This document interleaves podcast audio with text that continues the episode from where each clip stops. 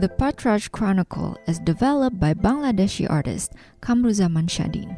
He has collaborated with ethnic communities residing near the Pathraj River in the northern part of Balia village, Thakurgaon, where he grew up. Shadhin has worked with seven female artisans to deconstruct the shika technique, a weaving style traditionally used for hanging vessels in rural Bangladeshi homes.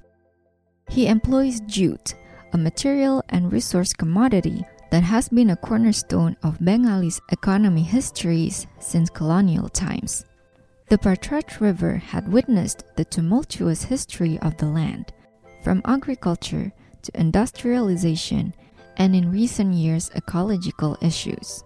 For Shadhin, the Pathraj River embodies his childhood memories with his family, entwined with the recollections of those who live along its banks. The jute shika weavings mirror the river's flow and transform the shika into a testament to the fading collective memories.